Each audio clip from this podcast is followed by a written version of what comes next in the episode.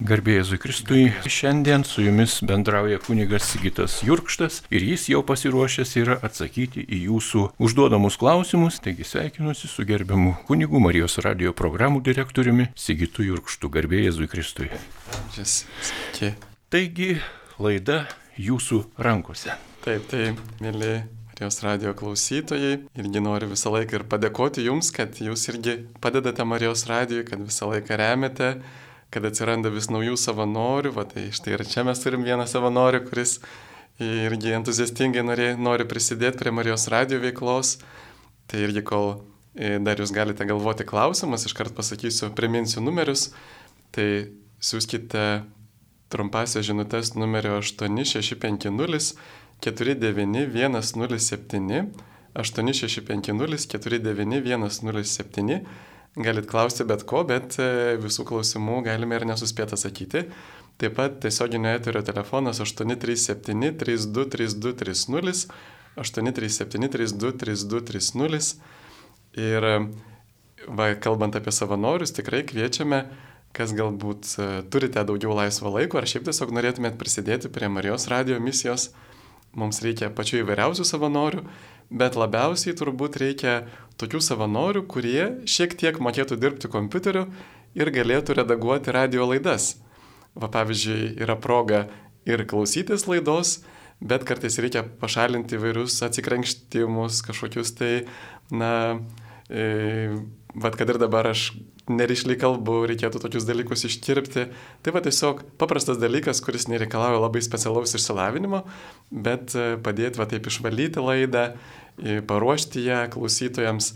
Tai va tokių savanorių mums reikia labiausiai tiek Vilniuje, tiek Kaune, galite ir iš studijos, ir iš namų dirbti.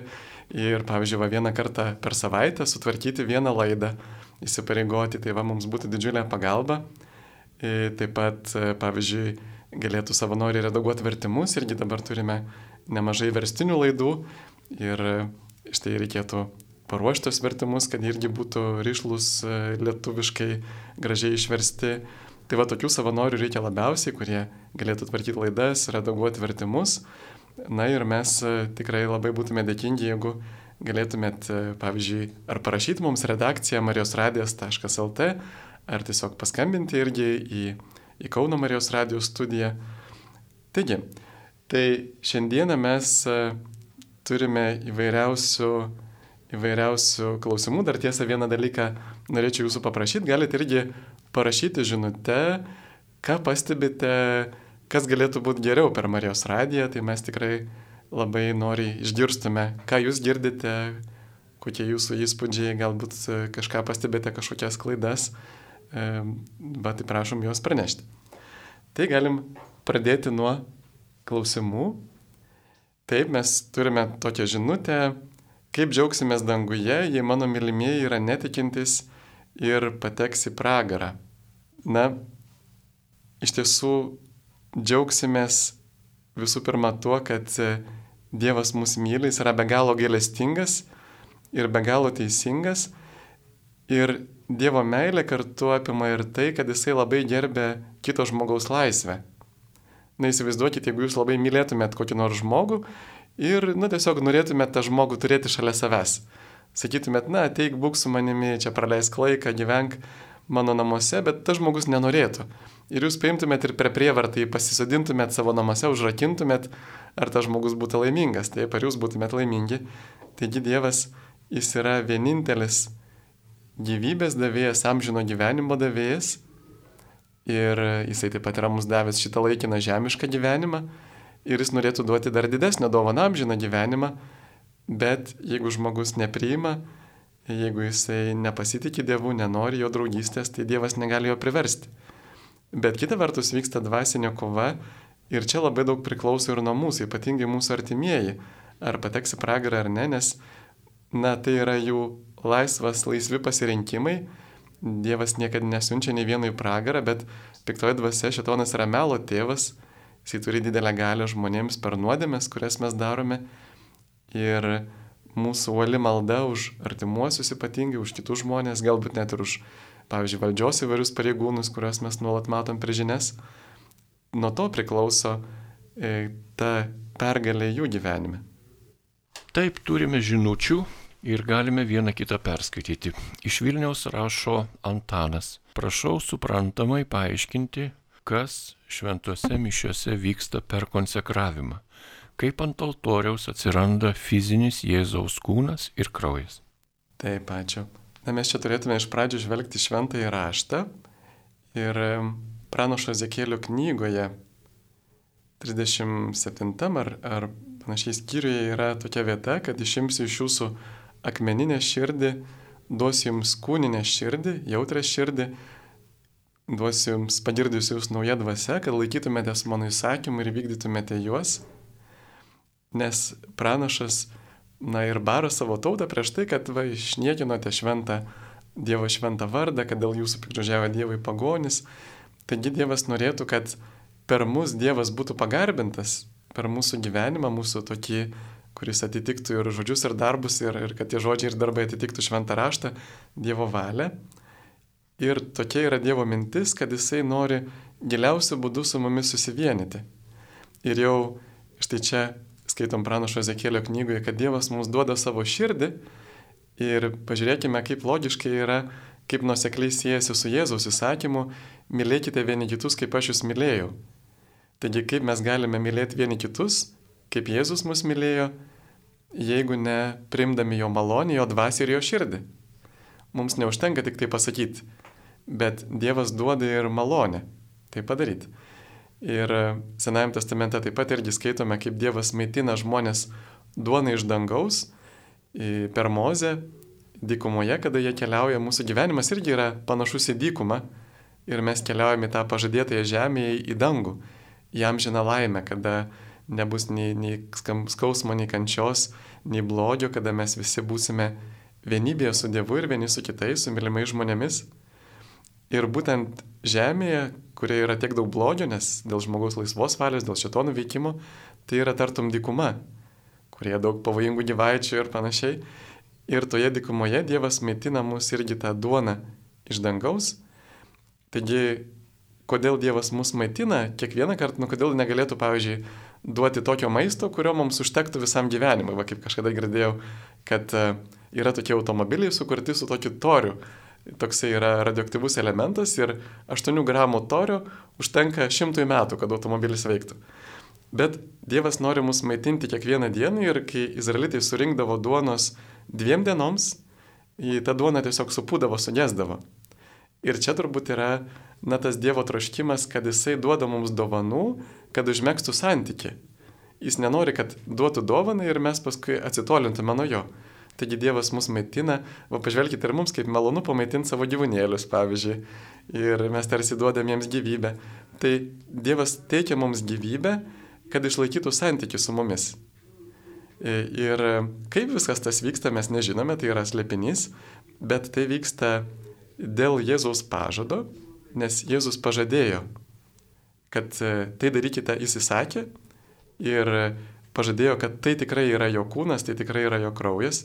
Ir kada kuningas tarė tuos žodžius, per tuos žodžius šventoji dvasia veikia ir čia matome irgi didelį Dievo nusižeminimą, Dievas paklūsta kunigui.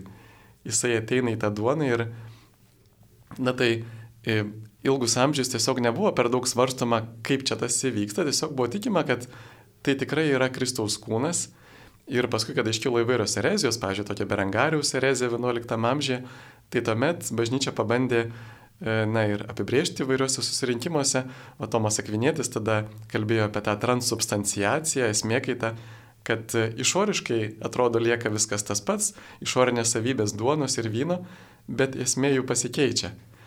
E, taigi tai yra didelis lepinys, bet kartu yra toks kasdienis stebuklas ir tas pažado išsipildymas, kad Jėzus sakė, aš esu su jumis per visas dienas iki pasaulio pabaigos. Tai va kaip panašiai Senajame testamente e, buvo Mozės padangtyje, šventykloje buvo tokia padėtinė duona, kuri buvo ne šiaip savo duona, bet buvo na, tokia kaip Dievo artumo simbolis. Taip čia irgi yra daug daugiau.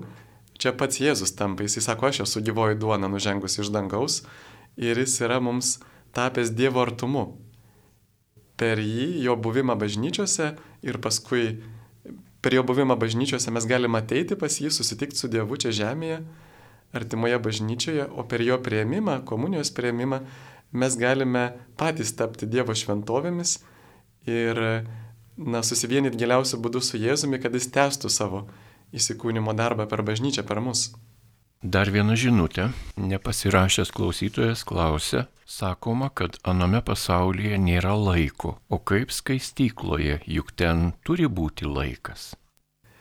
Labai geras klausimas. Aišku, yra įvairių požiūrių į skaistyklą, į nuskaistinimą. Pavyzdžiui, mūsų broliai ortodoksai kartais laikosi tokio irgi, na, yra įvairių tokių požiūrių, pavyzdžiui, kad žmogus tiesiog po mirties perina staigi kažkaip tą nuskaistinimą arba Bet žinot, yra šviesos duoda Jėzaus žodžiai apie kalėjimą. Irgi ne vienoje vietoje jisai kalba apie tam tikrą kalėjimą, kad sako, neišeisi iš ten, kol neatsiteisi iki paskutinio skatiko. Ir tai yra tam, tikra, na, tam tikras Dievo teisingumo atstatymas. Kad e, jeigu žmogus nepriima Dievo gailestingumo, jisai tada, na, nepriima to gero dario, kuris gali sumokėti už jį skolas, jis tada turi pats sumokėtas skolas, pats atiteisti už tai, ko dar trūksta, nes parašyta šventame rašte prieškimo knygoje, kad niekas suteptas, niekas nešventas į dangų neįeis. Ir aišku, kad būtent Jėzus mus pašventino, jo malonė, bet kartu ir mūsų bendradarbiavimas su ta malonė. Ir kai kalbama apie laikinuosius ir galutinius dalykus, apie amžinuosius dalykus, na, amžini dalykai yra du - yra dangus ir pragaras. Skaistikla yra laikina būsena, vadinasi, joje turi būti laikas. Aišku, bažnyčia anksčiau duodavo, žinot, tokius atlaidus, pavyzdžiui, už tokią maldelę 300 dienų atlaidų, na, kad 300 dienų sutrumpintų skaistyklą ir panašiai, bet paskui atsisakė tokių dalykų, nes, na, mes tiksliai nežinome, kaip tenais tas laikas vyksta, bet e, va labai įdomu vieną tokį liūdėjimą skaičiau, va čia kur ir buvo e, filmo pristatymas apie dangus tikrai yra ir e, pagal tuos tikrus įvykius parašytus knygoje dangus tikrai yra apie tokį Koltoną Burpo, kuris per e, mažas berniukas keturių metų, kur per apendicito operaciją, kai jam trūko apendicitas, jisai apsilankė danguje. Ir mes žinom ir šventajame rašte irgi matome, kad žmonės ir nemirė e, yra apsilankę danguje, kaip paštalas Paulius sako, pažįsta tokį žmogų, galbūt jis pats tik tai, na, iš kuklumo nesako, sako, pažįstu tokį žmogų, e, arba paštalas Jonas per aprieškimo knygoje, jis turi dangaus vizijas. Ir va tas liūdėjimas to berniuko buvo Koltono, kad sako, aš buvau tris minutės tik tai e, toje, na, danguje, bet, bet jis ten suspėjo nuveikti labai daug įvairiausių dalykų. Taigi vėl ir, ir danguje pačiam yra laikas skirtingai bėga, kaip tam parašyta šventame rašte, kad viena diena kaip tūkstantis metų ir tūkstantis metų kaip viena diena.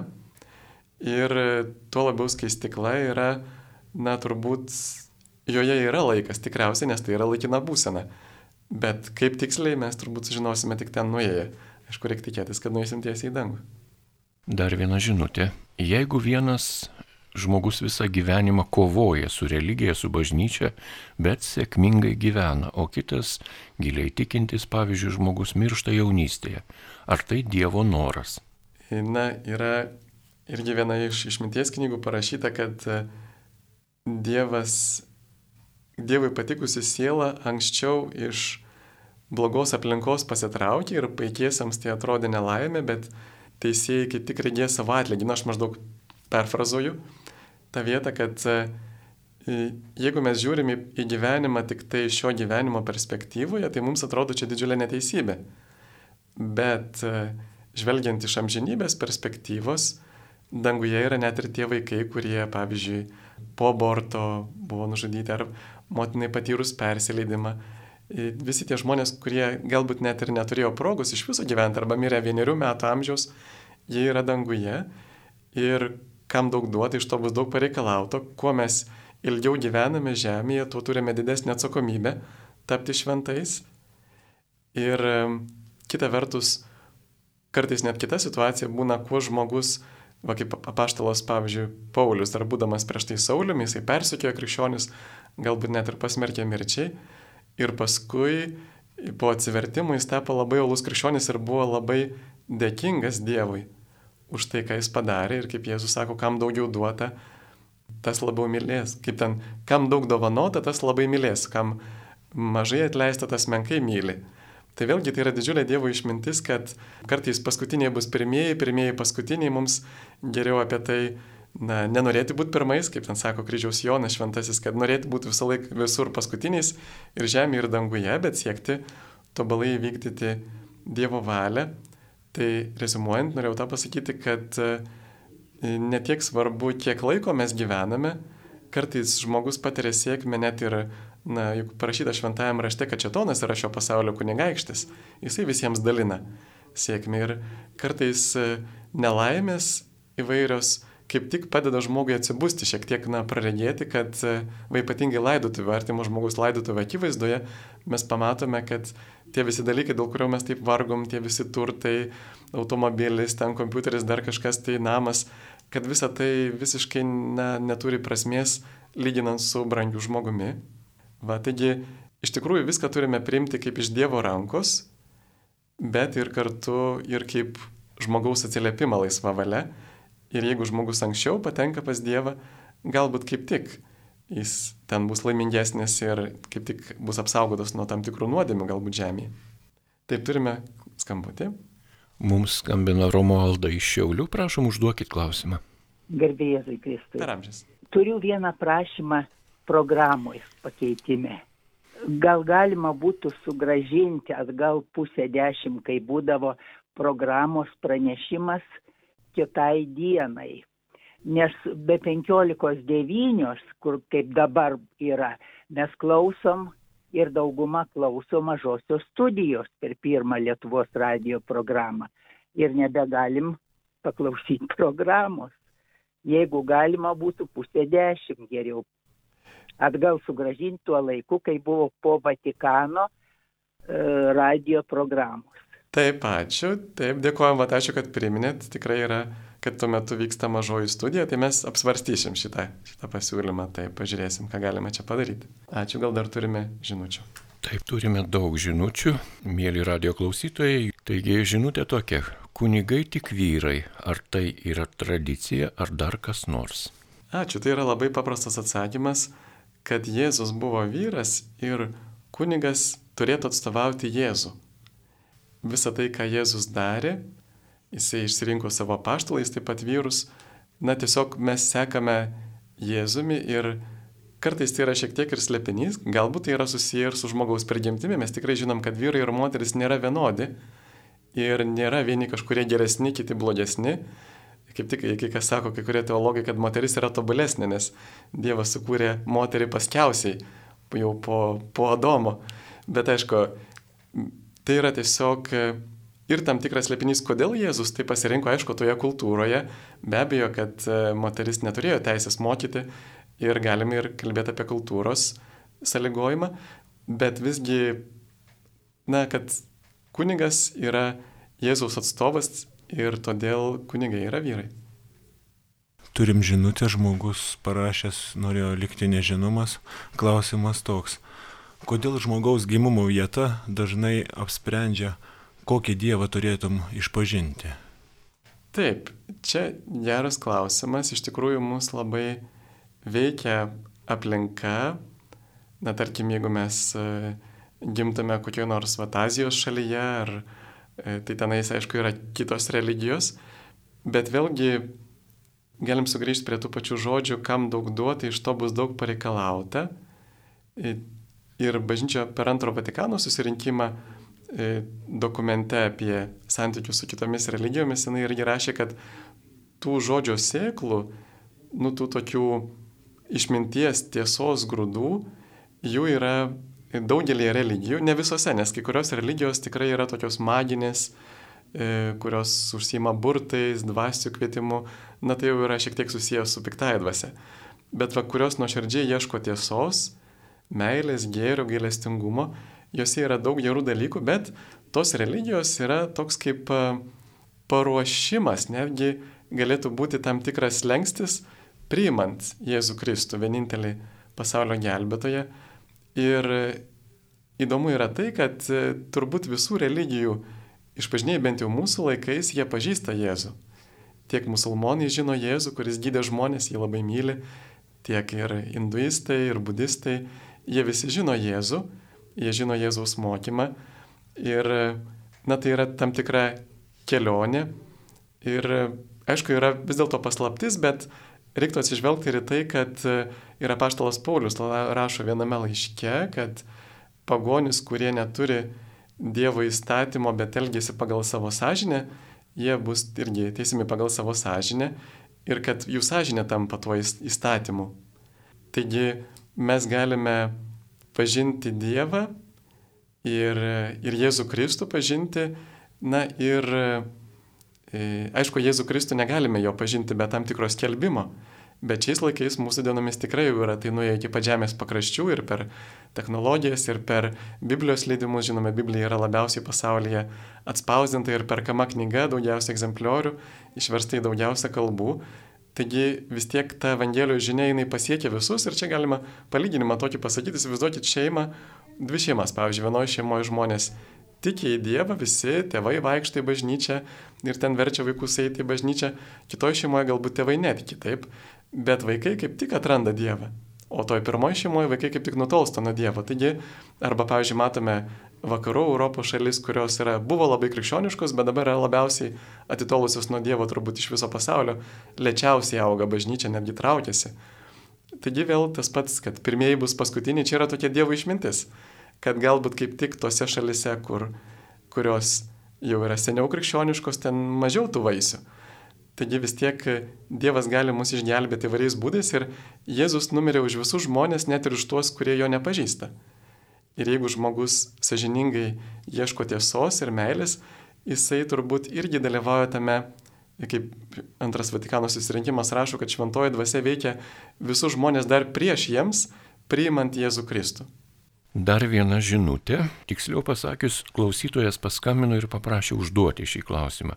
Ar galima, pavyzdžiui, kapinėse patiems pasišventinti žvakes, pamerkiant jas išvestą vandenį, jeigu nėra šalia kunigo? Na, šventinimo gale šiaip jau yra duota kunigui.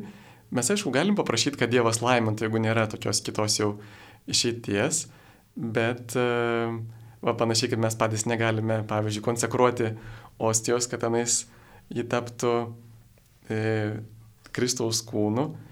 Mes patys, aišku, mes galim laiminti dalykus ir žmonės, bet vis dėlto tai yra palikta kunigui ir paprasčiausiai turbūt kada mes per vėlinės ateiname mišes, na tiesiog galim žmonės atsineša žvakių, kunigai šventina, bet ir galim kada užėti į Zakristį ir paprašyti, kad, kad kunigas pašventintų, tai tikrai yra labai tokia pusės minutės trukmės apiega.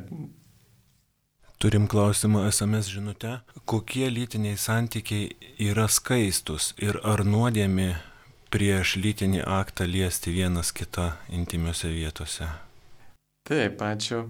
E, lytiniai santykiai yra skaistus tuomet, kada jie yra santokoje ir kada tai baigėsi būtent tuo santokiniu aktu. E, bet sutoktinė prieš tai gali daryti, ką nori.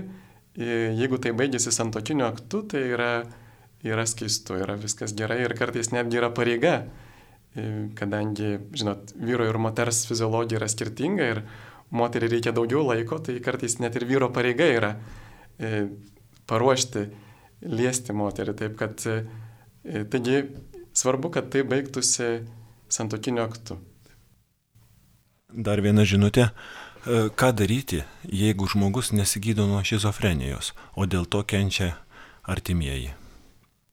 Aišku, mes negalime priversti ir kas turbūt sunkiausia yra tiem žmonėm, kurie turi tam tikras psichinius kentėjimus, tam tikrus, kada mes juos laikome, na, tokiais, kurie nesugeba, pavyzdžiui, apsispręsti, kurie yra tokie, nu, kurie, kažkaip žiūrim, menkinančiai arba bandom atimti jų laisvę.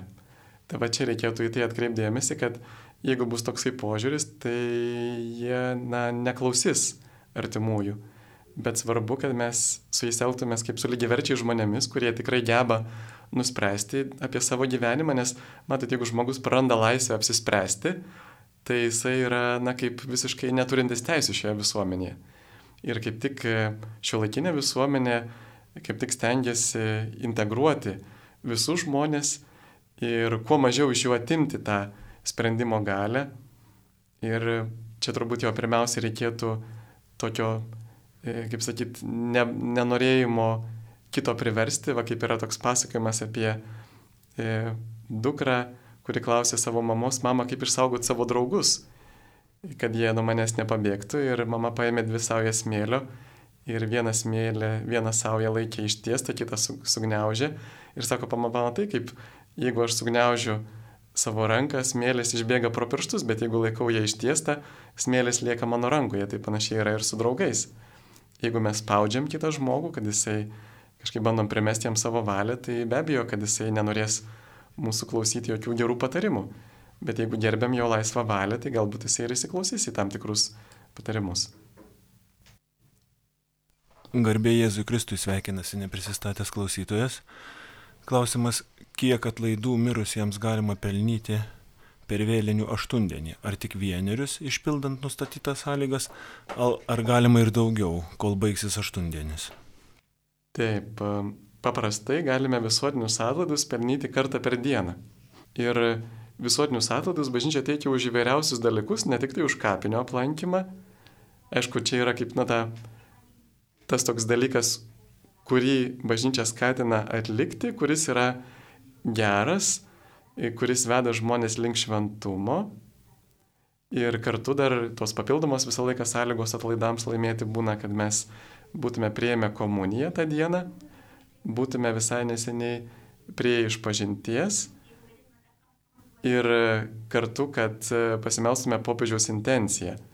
Kaip Jėzus sakė, kur du ar trys susitarė žemė melsis ir aš išklausysiu ir tėvas tai suteiks. Taigi popiežius yra toks kaip vienybės ženklas, kuris kviečia mus bendrai maldai ir ta malda be galo galinga tomis popiežiaus intencijomis, nes visa žmonija meldžiasi. Milijardas katalikų, dar milijardas, na, tai milijardas katalikų meldžiasi tomis intencijomis. Tai, va, tai tiesiog kiekvieną, kiekvieną, dieną, kiekvieną dieną būna, e, būna įvairių progų gauti atlaidus. Ir, ir vat, kaip minėjau, viena iš, vienas iš dalykų tai yra e, aplankyti kapinės vėlinių, oktavos metu, kitas iš dalykų, pavyzdžiui, galite e, skirti pusvalandį adoracijai e, arba bažnyčios sugalbėti Dievo galestingumo vainikėlį, arba namuose, ar bet kur paskaityti pusvalandį šventą įraštą. Va čia turbūt lengviausias būdas laimėti visuotinius atlaidus, jeigu negalite išeiti iš namų pusvalandį paskaityti, pamastyti šventą įraštą. Taigi mes galim kiekvieną dieną laimėti atlaidus arba vakare galim turėti tokią tradiciją kiekvieną vakarą pasimelsti popiežiaus intencija ir aišku, na tą dieną turime prie, būti dalyvavę šventose mišiose, prieėmę šventąją komuniją. SMS žinutė. Ar būtų galima Marijos radijo eteryje rytinę rožinio maldą klausytojams melstis telefonu tiesiogiai, taip kaip buvo prieš dešimt metų? Pavyzdžiui, penki klausytojai vienai rožinio maldai. Taip, ačiū, na, buvo atsisakyta tos minties dėl tam tikrų dalykų, kad būdavo kartais sunku E, na, taip sužiūrėti, kad viskas sklandžiai vyktų, bet, na, kodėlgi ne, ateityje galbūt pasvarstysime apie tai, jo ačiū už, už tą idėją, taip. Klausimas SMS žinute, kur pateks žmogaus siela po mirties, jei dėl kunigų aplaidumo nebuvo suteikta galimybė bažnyčioje prieiti iš pažinties ir kodėl jums kunigams leidžiama bauginti žmonės pragarais, ar manote, kad visi tokie kvaili, ir tiki tokiais jūsų kunigai pasisakymais. Taip, ačiū. Žmogus, jeigu jisai neturi progos prieiti iš pažinties, jisai vis tiek gali sužadinti tobulą gailestį. Tobulas gailestis yra, yra na, toksai gailestis, kada, yra, kada mes gailimės dėl to, kad įžeidėme Dievą iš meilės. Netobulas gailestis, kada mes gailimės iš baimės, kad štai dabar va čia jau prisidirbam, kas čia dabar bus, Dievas nubaus. Tai jeigu mes sužadiname tobulą gailestį, tai tuomet e, galime laimėti Dievo atleidimą ir be išpažinties. Jeigu neturime progos kitaip prieiti išpažinties. Bet be abejo, jeigu tai yra dėl kunigo atlaidumo, tai kunigas taip pat bus už tai atsakingas. Netgi ne tik dėl kunigų aplaidumo, bet ir apskritai, pavyzdžiui, šventai Faustinai Jėzus kalbėjo, kad jeigu tu nes, nesieksi tobulumo, jeigu nesieksi šventumo, tai bus atsakinga už daugelį sielų, kurios taip pat nuo to bus mažiau šventos. Bet sako, jeigu tu sieksi šventumo, tai palies ir kitas sielas, jos taip pat bus šventesnės. Čia kaip Tadė Uždaičia ir tokia knygų tikėjimo išvalgos yra tokia, tokį palyginimą gražų sakęs, kad mes esame kaip susisiekiantis indai ir jeigu vienas žmogus labiau atsiveria Dievui, tai ta malonė, kurią jisai gauna, kartu liečia ir kitus žmonės. Bet jeigu jisai padaro nuodėmę, tai ta nuodėmė užkrečia kartu ir kitus žmonės. Taigi, kalbant tuo tarpu apie pragarą, visai lėš ir pats Jėzus visų pirma kalba apie pragarą, taigi jeigu mes tikime Jėzumi, tai turėtume tikėti ir, ir pragaro egzistavimu. Ir visai lėš šventųjų liudijo, kad jie yra buvę pragare savo dvasia ir matė ir liudijo. Tai pavyzdžiui, šventoji Teresė Vilietė sako, kad pragare mačiau daugiausia tokių sielų, kurios netikėjo pragaro egzistavimu. Taigi matot, ta baimė, tam tikra baimė parašyta Biblijoje yra išminties pradžia, Dievo meilės pradžia, būtent, na, tokia, kaip čia pasakyti, visą laiką mus motivuoja tokie tam tikrai trys dalykai - prastai baimė, atlygis ir meilė. Bet kad mus motivuotų meilė, mes dar turime nueiti ilgą kelionę. Ir panašiai kaip su kopiučiam reikia tam tikrų laiptelių, tai tas pirmas laiptelis dažnai būna baimė. Bet įsivaizduokite ir žmonės, kurie, na pavyzdžiui, serga arba turi priklausomybę, pavyzdžiui, nuo rūkimo, taip. Ir jiem artimieji žmonės sako, nu, tu čia mums va, ir, ir, ir, ir savo sveikatai kenki, ir mes bijom tavęs netekti. Ir, na, žodžiu, išvardė įvairius argumentus dėl meilės, bet žmogus, na, kaip nemeta, taip nemeta rūkyti. Bet kada jam gydytojas pasako, jeigu tu nemesi rūkyti, tai po mėnesio mirsi, na, tas žmogus išsigasti ir meta rūkyti. Taigi, tam tikra baimė jinai yra reikalinga. Bet perdėta baimė, kuri mus paralyžuoja, ji vėlgi jau yra mums e, kenksminga. Tai vad, kartais pragaro baimė mus gali kaip tik sulaikyti nuo tam tikrų sunkių nuodėmių ir tai yra labai sveika. Ir jeigu mes nesakytume, mes būtume kalti, va kaip irgi pranašas Ezekėlis perspėja, kad jeigu žmogus nusideda ir aš tau sakau, kad nu, tu jį perspėk, kad jis daro sunkia nuodėmė. Ir jeigu tu neperspėjai jo, jisai pražus dėl savo kalties, bet tu būsi atsakingas už jį, už jo pražudą, nes tu jo neperspėjai. Bet jeigu tu perspėjai ir jis vis tiek daro blogą, sako taip, jisai pražus, bet tu nebūsi už jį atsakingas. Tai čia yra mūsų moralinė pareiga, ypatingai kunigų, perspėti apie pavojų, kuris laukia žmogaus. Ir tai, kad bažnyčia gazdina žmonės pragarais, yra na, tikrai tokia iš piršto lauštas toks lozungas, kuris na, yra net nelogiškas. E, nes e, tai kunigas tai sako kaip tik dėl žmonių gerovės. Jeigu mes paskaitytume, pavyzdžiui, Švento Jarso klebono tekstus, e, pamokslus, jis labai dažnai gazdino žmonės pragaru. Ir būtent tam, kad jie pasitaisytų, kad jie nedarytų sunkių nuodėmių ir taip išeina į gerą ir pačiam žmogui ir jo artimiesiems. Taip, dar turime klausimų. Kaip gailėtis, jei žinau, kad vis tiek nusidėsiu? Labai geras klausimas. Mes gailėščio būtent ir stengiamės sužadinti tokį skausmą, kuris mums, na, tokį ir skausmą, ir kartu dar yra toksai, netgi sakyčiau, tokia darybė, taip, geras įprotis pasibjaurėjimas nuodėme, mes turime sužadinti skausmą ir pasibjaurėjimą nuodėme, kad tai mums užkirstų kelią kitą kartą nusidėti. Taigi jau pats gailesčio sužadinimas, e, jis mums padeda kitą kartą nenusidėti, bet svarbiausias dalykas čia yra valios apsisprendimas. Taigi jausmai gali padėti, gali trukdyti valiai, bet svarbiausias dalykas yra apsisprendimas.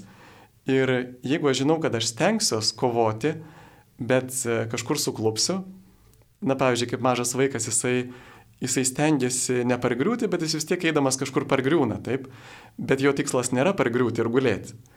Taigi panašiai ir čia, jeigu aš stengiuosi kovoti, tai tuomet e, ta nuodėmė bus mažesnė arba jos visai nebus. Ir priešingai, jeigu aš iš karto pasiduodu nuodėmė, nieko nedarau, leisdam, matydamas, kad pateksiu į nuodėmę, nevengiu nuodėmės progų, žinodamas, kad ten nuėjęs, panašiai kaip žinot, šiaudai patekę į ugnį, jie bet kokiu atveju sudegs. Tu negali sakyti, kad šiaudė, štai aš dabar tave padėsiu prie ugnies, bet tu tik nedeg. Taip mes žinom, kad jeigu šiaudą padėsi prie ugnies, jisai tikrai sudegs. Tai mes lygiai taip pat žinome, jeigu pažiūrėsime kažkokį, tai pavyzdžiui, neskaistų vaizdo įrašą, mes tikrai padarysime nuodėmę. Taip. Tai va todėl reikia vengti nuodėmės progų. Jau pats to įrašo pažiūrėjimas jau yra nuodėmė, taip, valingas ieškojimas jo. Bet jeigu aš žinau, kad aš vis tiek suklupsiu iš silpnumo, tai vis tiek kovodamas aš savo valią sutvirtinsiu ir ateis diena, kada aš ištversiu ilgiau arba visai galbūt nugalėsiu tą įdą. Taip, turime skambutį. Turim skambutį, mums paskambino Janina iš Šiaulių krašto. Taip, Janina garbėjasi Kristui. Klausom jūsų, taip, Janina. Garbėjasi Kristui. Per amžius. Aš norėjau paklausyti apie krikštą. Mes turim vaiką trijų metų nekrikštytą, tėveliai neturtingi ir už krikštą labai didelius pinigus vis tik tai ima. Nu, e, ir dabar jie negali, nekrikštyje to vaiką, laukia, laukia, kas čia bus. E, vis tik tai aš močiutė rūpinos ir man reikia, kad tas vaikas būtų pakrikštytas. O čia dar norėjau dar paklausti. paskaičiau e, Bibliją, paskaičiau šventą įraštą, aš niekur neradau, kad būtų įmami pinigai. Ir kai Kristų krikštyje niekas nemokėjo tų pinigų, ar ten kaip neatsilygina. Ir paskiau e, tas e, žmogus, kur važiavo su, su apaštalu, ar su ko jis ten važiavo, ir jis sakė, štai bala, štai vanduo, ir galima pasikrikštyti. Ir Taip, mažytė, o ar galima dar jūsų paklausti, ar įima pinigus už patį krikšto sakramentą ar už pasiruošimą krikštui? reikia užmokėti. Bet ar už patį krikštą, ar už pasiruošimą krikštui, kur būna, na, ta prasme, kad vis tiek turbūt čia yra, nu, nauja, nu, mažo kūdikėlio, ne vaikelio krikštas ir tiesiog, tiesiog už, už patį krikštą reikia užmokėti, o ar kunigas sako, kiek mokėti reikia Yra pasakyta, kiek mokėti. ir kiek reikia mokėti? Ir, nu, e, nu, aišku, kuo daugiau 50, tai jau tikrai. O kurioje čia parapijoje, gal galit pasakyti? Atsiprašau. Taip, ir, ir kurioje čia parapijoje, taip. Tai, tai tėveliai neturtingi ir negali. E, Negali. Taip, gal galit pasakyti, kurioje čia parapijoje taip kunigas reikalauja už Ir gana brangiai. Ar, ar galit pasakyti, kurioje čia bažnyčioje kunigas tiek reikalauja? Prašau. O kurioje bažnyčioje kunigas reikalauja už krikštą tiek sumokėti, pasakykite? Ir visose. Na, bet, bet kur jūs, na taip, nu supratom, gerai, ačiū taip. Tai tikrai kunigas neturėtų reikalauti kainos, nes Jėzus sakė, dovanai gavote, dovanai duokite, tai būtų e, Simonijos nuodėme, jeigu mes e, nustatytume kainas, bet kada, e, va, čia kažkada irgi buvo pasklydęs toksai, toksai net straipsnis buvo, kad bažnyčia nustato kainas už patarnavimus, tai nebuvo kainos, bet tai buvo, na, veikiau tokie orientaciniai dydžiai, kiek kunigas galėtų e, pasimti savo už tam tikrą patarnavimą ir kiek, pavyzdžiui, turėtų e, duoti e, kurijai, skupijai irgi, kad, kad, kad padėtų kitus kunigus išlaikyti. Taigi čia, aišku, yra visą laiką tas pats, ta pati tikrai ir, ir žaizda, kartais žmonės turbūt ypatingai po santokų labai nusigrėžė nuo bažnyčios, kada kunigas už santoką pareikalauja tam tikros sumos ir be abejo jisai gaus tą sumą, bet, bet tų žmonių daugiau bažnyčioje nematys. Taigi mes tikrai turime e, na, atgailauti už tai ir e, geriausias būdas vis dėlto, na tikrai yra labai tiksliai žinoti, kad e, joks kunigas už jokį patarnavimą negali nustatyti kainos. Ir jeigu kunigas nustato kainą, tai jau yra blogai, tai yra nuodėmė. Ir reikėtų apie tai kalbėti su kunigu ir pranešti vyskupui. Ir tikrai nereikėtų dėlsti pranešti apie tai vyskupui.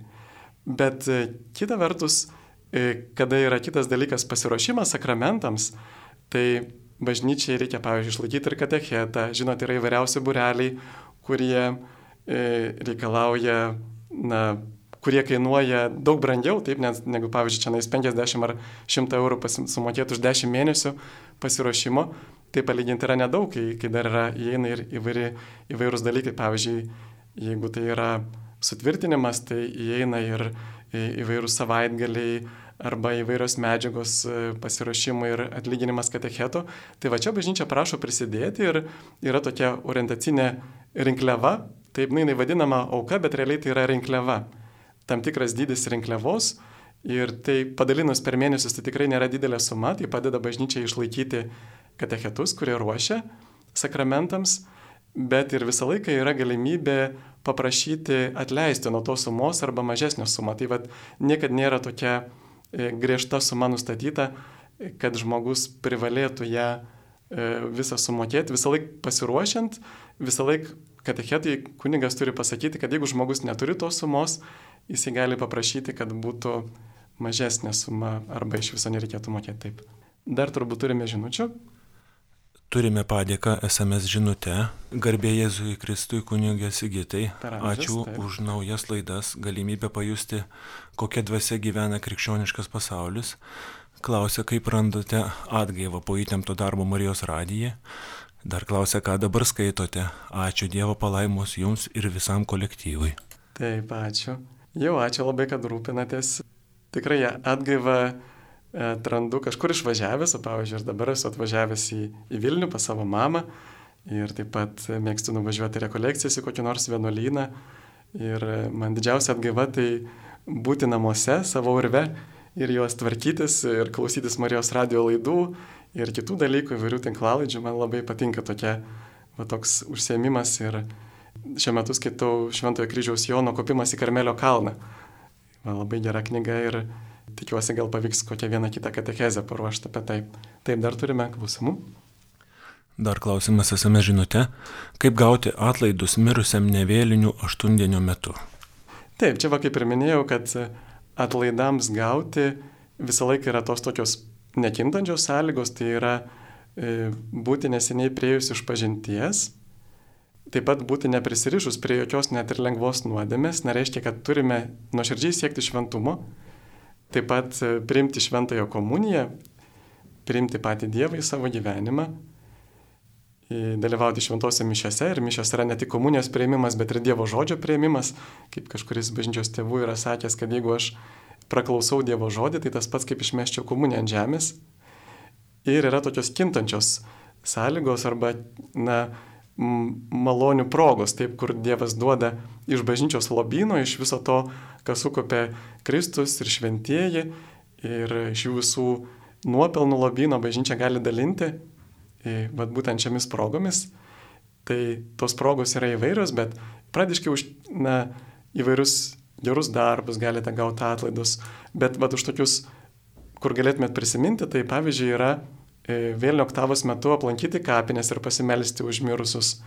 Taip pat pasimelsti rožinį kartu su kitais namuose arba vienam bažnyčioje. Pasimelsti Dievo gailestingumo vainikėlį bažnyčioje. Arba, pavyzdžiui, e, pabūti adoracijoje pusvalandį, pusvalandį skaityti šventą raštą. Yra ir daugiau va tokių dalykų galime pasidomėti. Čia ypatingai va Lietuvai tokia malonė buvo ypatingai suteikta, kad mes galime laimėti atlaidus prieš bažnyčią, prieš švenčiausius sakramentus, sukalbėję Dievo galestingumo vainikėlį. Va tas užtrunka tik 10 minučių ir jau galim laimėti tikrai nuoširdžiai sukalbėję atlaidus, bet galim vieną kartą per dieną laimėti visuotinius atlaidus arba savo, arba juos paskirti už kokį nors brangų mirusį. Klausimas SMS žinutė. Jėzus gyveno daugiatautėje imperijoje, bet apaštalais pasirinko tik žydus. Ar tuo tai neparodo, kad kunigai turėtų būti tik žydai? Na, klausimas dėl jų e, žydiškumo visų, pavyzdžiui, Vat Saulis buvo kilęs iš Tarso, tai buvo Romos imperijos miestas, jis buvo Romos pilietis. Aišku, taip, jisai buvo žydas, taip, bet, nu čia jau kalbant apie tautą, taip jūs, jūs paklausėte būtent e, klausimą apie tai, kad tai yra daugia tautės aplinkos žmo, na, kultūra. Ir va, pavyzdžiui, matome, kad e, e, taip pat kai kurie paštalai, jie turi tokius irgi ir graikiškus vardus. Na, čia reikėtų irgi pasidomėti kiekvieno jų kilme. Pavyzdžiui, dėl kai kurių mums irgi kyla abejonės, būtent ar tikrai jie buvo būtent, e, na, bet aišku, jie buvo, Jėzus gyveno toje aplinkoje, toje šalyje, taip, ir jisai pasirinko būtent e, žmonės, kuriuos sutiko, kuriuos, bet žinot, čia yra dar vienas momentas, kodėl jisai pasirinko žydus, nes Dievas, nepamirškime, jisai neatšaukė pirmosios sandoros, kurią sudarė su Izraelio tauta, netgi su Abromo, su Abromu yra buvo sudaryta sandora, kad tavo palikonių bus nesuskaičiuojami, jie bus kaip dangaus žvaigždės. Ir tavyje pala, ir tavo palikonise palaiminimą ras visų tautų žmonės. Taigi tai yra Dievo plano dalis, jisai iš pradžių išsirink, išsirenka vieną, taut, vieną žmogų, taip, e, tam tikrą paskui grupę e, ir suburiai tautą. Jisai išsirenka tam tikrus žmonės ar tautas tam, kad per juos, ne tam, kad jie galėtų puikuotis, kad mes čia išrinktieji, bet tam, kad per juos galėtų parodyti savo gailestingumą, patarnauti kitiems. Čia panašiai kaip ir kuniga, Dievas išsirenka, išsirenka tam, kad per jį galėtų e, dalinti savo gailestingumą kitiems. Taigi, tai yra Dievo plano dalis, kad Jėzus atėjo atkurti Davido karalystę. Ir, pavyzdžiui, neatsitiktinai jisai pasirenka 12 apaštalų, nes buvo 12 giminių žydų tautoje. Taip jisai e, išsirenka ir raktininką arba vyriausiai e, Petrą irgi, kaip panašiai buvo ir Dovido namuose buvo jo ministras pirmininkas. Taip. Taigi Jėzus jisai atkuria Dovido karalystę, bet ta Dovido karalystė yra ne tokia, kokio, kokios laukia žydai politinės karalystės, kuri e, duosi kaulus romėnams, bet tai būtent yra bažnyčios užuomasga. Bažnyčia yra ta Dievo karalystė žemėje. Ir tie apaštalai, vėliau jų įpėdiniai matome yra ir ne tik tai žydų tautos žmonės, nes Dievas parodė Petrui, kuris buvo žydas, kai jis turėjo tokį regėjimą. Jopija atrodo, kad nusileido ant jo toksai, kaip čia jisai pavadino, rykų, na tokia staltėse taip ir ant jos buvo daug įvairių nešvarių gyvulių ir sako, pjauk ir valgyk. Na, žydų supratimu nešvarių, nekošerinių gyvulių. Ir jisai tai pasikartojo kelis kartus ir jisai suprato tai kaip raginimą eiti pas pagonis, kuriuos jie laikė nešvariais, žydai laikė nešvariais, nes kaip tik tuo metu atėjo pas jį žmogus, pagonis, kuris kvietė jį pas pagonis paskelbti Evangeliją. Taigi tai buvo aiškus Dievo noras, apreiškimas, kad Evangelija būtų visoms tautoms. Ir pranašai net jau seniai apie tai rašė, kad tai skirta visoms tautoms, ne tik žydų tautai, bet žydų tauta yra išrinkta tam, kad per ją Dievas neštų e, tą Dievo gailestingumą kitiems, bet dėja matome, kad pati žydų tauta, dalis, didžioji dalis nepriėmė to, kad Dievas buvo paruošęs ir kurie priėmė, tiems Dievas davė, gali tapti Dievo vaikais ir Paulius rašo, kad tai irgi yra Dievo išmintis, kad jie lieka užkėtėję tol, kol įeis pagonių visuma, kad, na, tam tikra irgi jų atmetimas vis tiek išeina į gerą pagonims, kurie gali tada priimti tą jų atmestą Dievo karalystę. Klausimas esame žinute, garbė Jėzui Kristui. Ramžas. Mane domina klausimas, kodėl bažnyčiose, kur dar yra išlikę grotelės, nėra naudojamasi, o priimant komuniją, kaip tik e, padengdavo baltaijas, tikintysis priklaupdavo kaip priklauso. Be to esu skaičiusi, kad kunigas negali mišių metu atsitraukti nuo altoriaus. Ačiū už atsakymą, tikinčioji Irena. Taip, iš tikrųjų, kodėl? Dabar reiktų klausti, kodėl. Taip, kodėl negali atsitraukti nuo altoriaus, nes, na, čia yra pats viešpats, jisai yra mūsų tarpe, bet, na, kartais dėl artimo meilės kunigas, na, padaro tokį gestą, jisai stengiasi nunešti Jėzaus ramybę kitiems žmonėms, tai vėl nereikėtų per daug jo teisti už, už tai, bet aišku, geriau būtų, kad kunigas liktų prie altorius. Ir kitas dalykas dėl, dėl Dievo kūno stalo, dėl, dėl grotelių, taip, dabar jau yra tokia, e, na, kaip čia pasakyti, toks būdas komunijos prieimimo, kad e, žmonės priimtų ateidami Ir, na, buvo tiesiog priimta dėl tam tikrų priežasčių, va, toks būdas komunijos prieimimo ir be abejo, kad e, žmonėms yra tas troškimas parodyti pagarbą Jėzų atsiklaupant, bet nepamirškime, kad mes klaupiamės ir prieš Dievo vinėlį, Dievo vinėlio maldą, e, Dievo vinėlio maldos metu. Ir taip pat mes turėtume parodyti kažkokį pagarbo ženklą prieš eidami priimti komuniją, pavyzdžiui, priklaupti. Arba, nu, vat, kaip ir minėjau, tas jau atsiklaupimas Dievo avinėlių maldos metu, po jos jisai irgi yra kaip tas pagarbos parodimas. Tai čia nereikėtų per daug sureikšmintų tokių išorinių gestų, bet e, dabar tiesiog e, taip yra priimta dėl tam tikro turbūt praktinio patogumo, nes taip yra patogiau išdalinti komuniją, bet mes vėlgi galim išlaikyti tą pagarbą būtent tais momentais priklaudomi, kada, kaip ir minėjau, tai tikrai nereikėtų turbūt per daug sureikšminti tų tokių išorinių atsiklaupimų, e, kartais kai kurie žmonės dar pagal seną liturgiją e, klaupiasi ir prieš šventas, šventas, šventas ir geriau vis dėlto laikyti tokią vienybę su, su bažnyčia ir tų liturginių nuostatų laikytis, tikrai tų liturginių apieigų yra įvairovė bažnyčioje, nes yra ne tik tai lotynų apieigos ir galime prisiminti ir ankstesnio laiko buvo skirtingų apieigų, tai nėra, kaip sakyti, Dievo padiktuoti dalykai, yra žmonių sutarti, bažnyčios e, būtent ganytojai sprendžia apie liturgiją, arba pavyzdžiui yra ir įvairios kitos liturgijos katalikų bažnyčioje, pavyzdžiui, rytų apieigų įvairios liturgijos. Taigi, na, šita toks būdas, koks buvo, pavyzdžiui, ten po tridentų susirinkimo, e, jisai nėra vienintelis. Taip ir, ir čia reikėtų geriau e, taip stengtis išlaikyti tokią vienybę ir mes visą laiką galime tikrai parodyti pagarbą atsiklaupdami, bet daug žmonių yra seni, jie negali atsiklaupti ir yra įvairių priežasčių. Aš net ir pats būdamas jaunas irgi nelabai galiu klūpėti, nes sugadinau kažkada kelius, tai, tai čia reikėtų stengtis neteisti dėl tokių dalykų. Taip ir dabar jau darome pertraukėlę, muzikinę pertraukėlę ir sugrįšime maždaug po 10-15 minučių.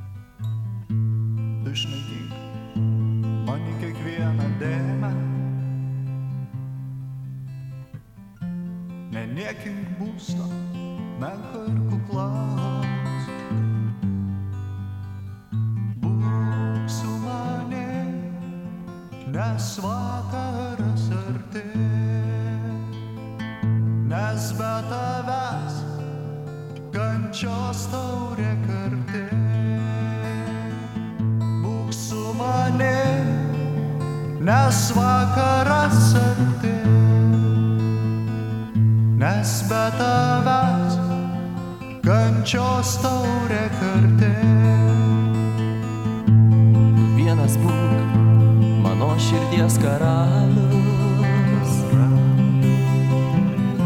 Ja atgaivinęs kūnu ir krauju.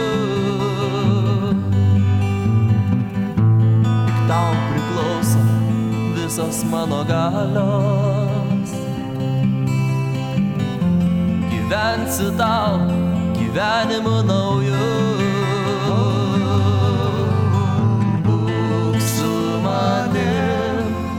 Nes vakaras arti, nes be tavęs kančios taurė karti. Būk su manim, nes vakaras arti, nes be tavęs kančios taurė karti.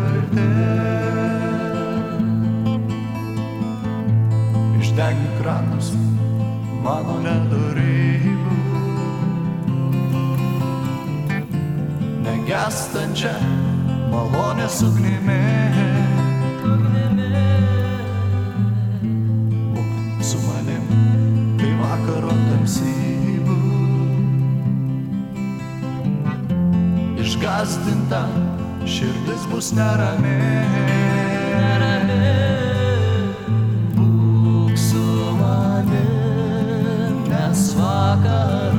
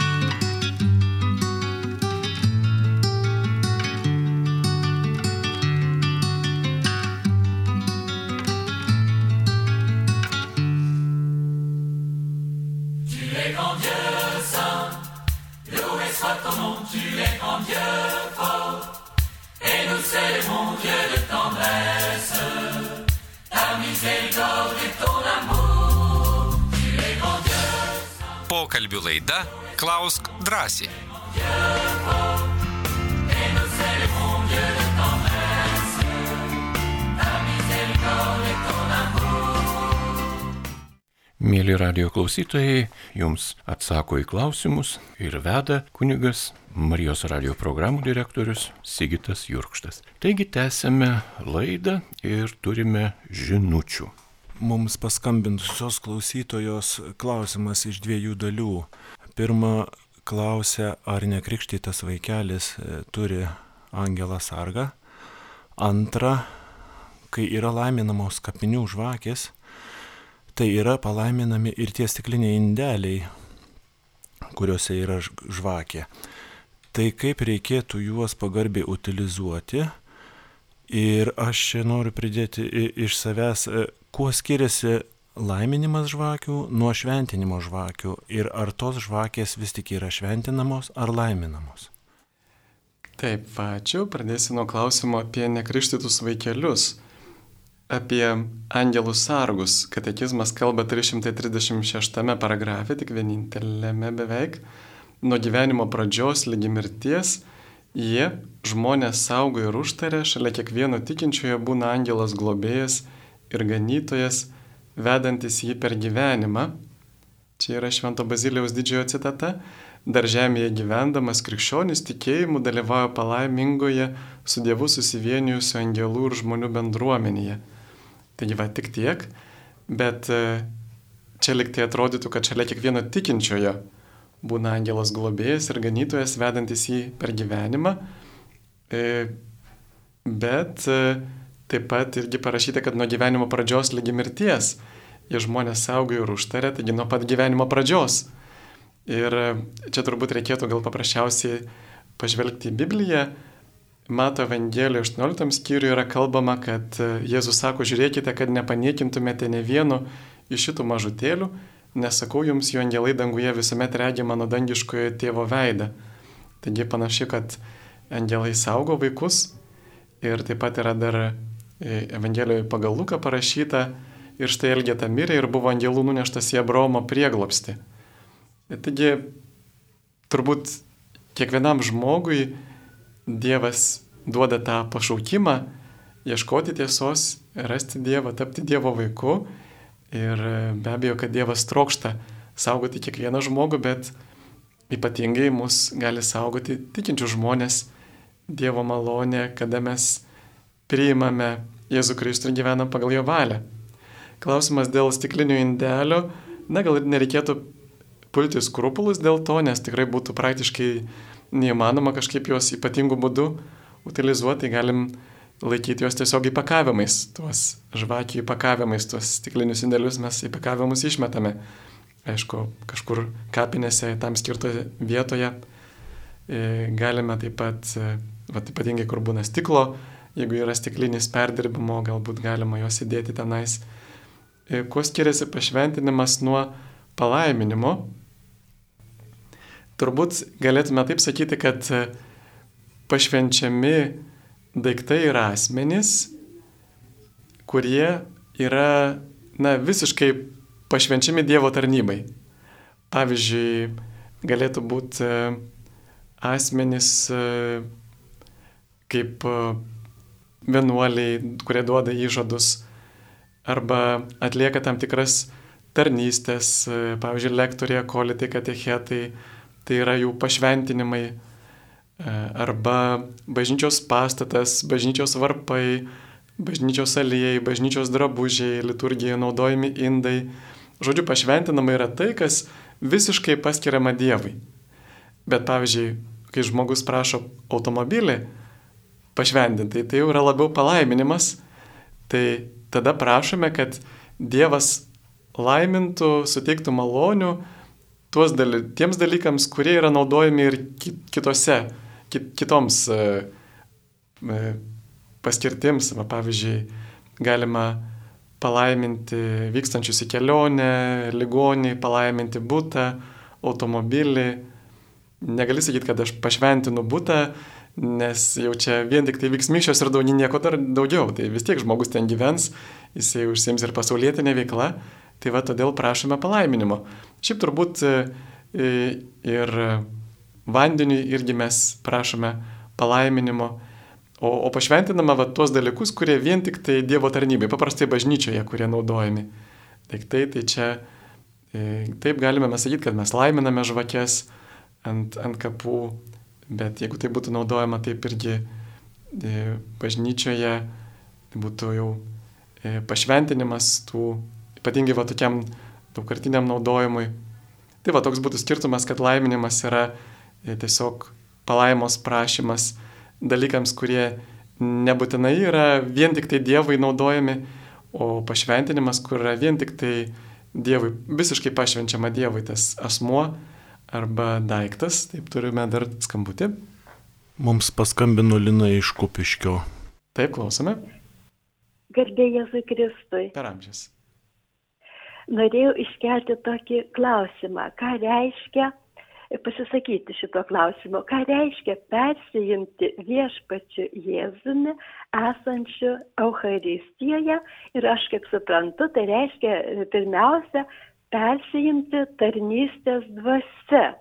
Tai norėjau pasakyti, kad man yra netarnaujama, e, pirmiausia, svarbiausio dalyko aš negaunu viešpaties Dievo man nesudaromos sąlygos bendrauti su viešpačiu Jėzumi esančia Euharistija, kai jį priimu šventųjų mišių metu.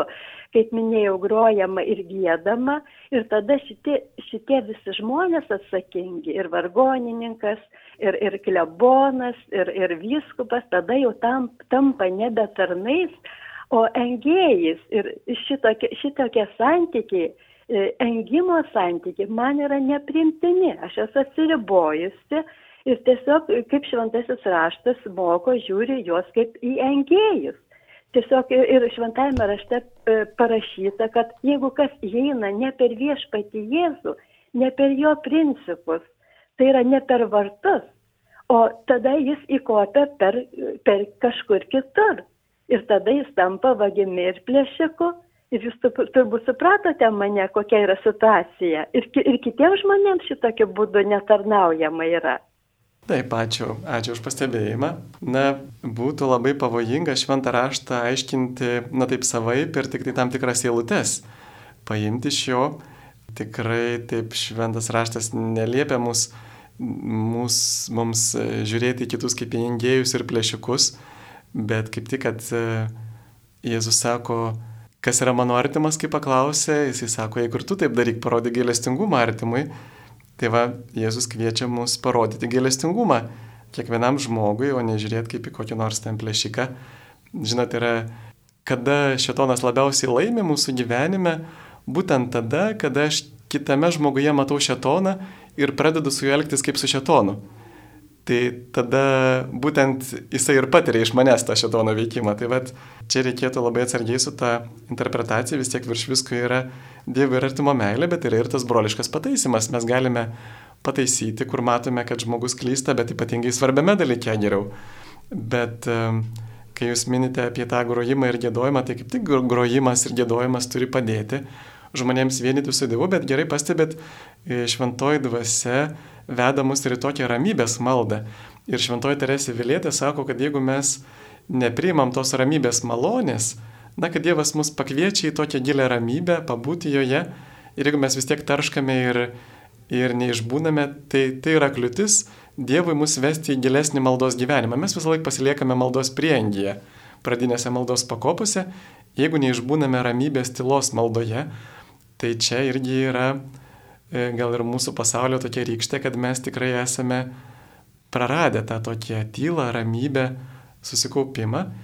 Ir e, popiežius Pranciškus, kada buvo Lietuvoje, jis visą laiką stengiasi po komunijos tokią pabūti tylos minutėlę, keletą minučių tyloje, tai tikrai yra sveikintina ir popiežiaus Pranciškaus tokia raginama praktika e, palaikyti tylą kelių minučių po komunijos Bet mes jų galime, nieks mums netrukdo ir išėjus, išėjus iš bažnyčios pabūti tyloje. Ir, ir po mišių pasilikti bažnyčioje arba prie bažnyčios pabūti tyloje, tai tikrai negalim sakyti, kad mums kažkas trukdo. E, čia jau labiau nuo mūsų pačių priklauso. Taip. Turime skambutį. Mums paskambino Ana iš Šiaulių. Garbėzai Kristai. Per amžius, Ana. Aš norėjau paklausyti tokį dalyką. Ketvirtadienį klausiau labai įdomią laidelį iš knygų lentynos apie berniuką, kuris pakliuvo į dangų ir knyga yra, dangus tikrai yra. Ir kaip supratau, tai dangus tikrai yra. Ten buvo ir Jėzus Kristus ant kelių laikė berniuką ir arklį turėjo Jėzus Kristus. O tai sakykite, kodėl tada dabar populiaru tarp dvasininkų aiškinti, kad vat, pragaras nėra konkreti vieta, yra tik būsena, kada prarandi Dievą, nepažįsti jo ir nemyli. Jei dangus yra konkreti vieta, kaip pragaras gali būti tik būsena. Ačiū. Taip, čia labai geras klausimas, kodėl teologai įvedė tą būsenos savoką, todėl kad e, žmonės kai kurie, na, tą dangų ir pragarą suvokdavo per daug materialiai, nu, kad tai yra materialaus pasaulio vieta. Kitaip sakant, kad, va, pavyzdžiui, pragaras kažkur žemės gelmėse, ten, kur žemės brandulyje dega ugnis lava, o, o dangus ten kažkur virš debesų, taip. Tai va tiesiog tą tik noriu pasakyti, kad tai nėra fizinė šios visatos vieta, kaip, pavyzdžiui, kai kurie ten tiki, net e, pamiršau, kurie ir Lietuvoje yra ta religija, kad va štai ten kažkokioj planetoje yra kažkas, tai, tai kokia Sirijos planeta, dar kažkas, tai, tai tiesiog noriu pasakyti, kad tai yra anapus šio pasaulio, virš laiko ir erdvės, bet, e, kaip matome iš tų liudijimų žmonių, kurie yra pabuvoję danguje, iš tų įvairių vizijų. Pavyzdžiui, šventajame rašte, čia vėlgi tą knygą, kurią ir, ir tą filmą, kurį pristatinėjome, mes su mokytoja Ema, čia irgi, na kaip, mes neturėtume to prilyginti, žinot, apriškimui. Tai yra labiau meninis filmas ir meninė knyga, bet vis dėlto tai yra paremta tikrais faktais, tikrais, tikromis patirtimis. Aš tikiu, kad tai yra tikra, bet, bet tikrai niekas nėra įpareigotas tikėti.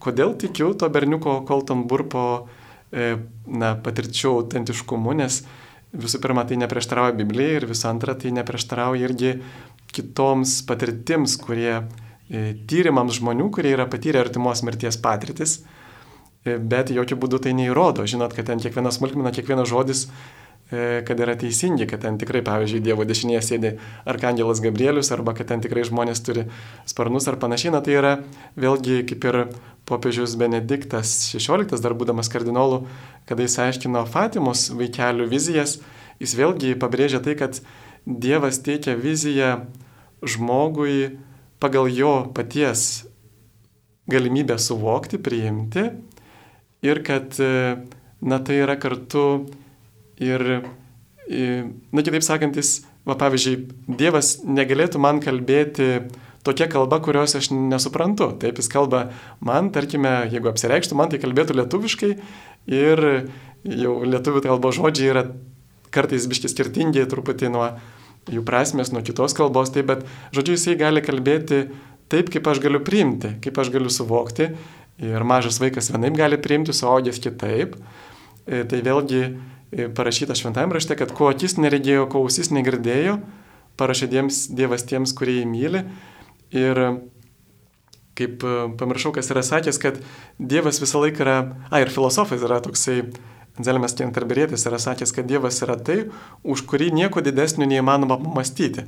Taigi, jeigu mes pamastome apie Dievą, kad jis yra va štai toks ir toks, tai tai jau yra ne Dievas. Taip, nes vis dėlto dar už jį galima kažką daugiau pamastyti.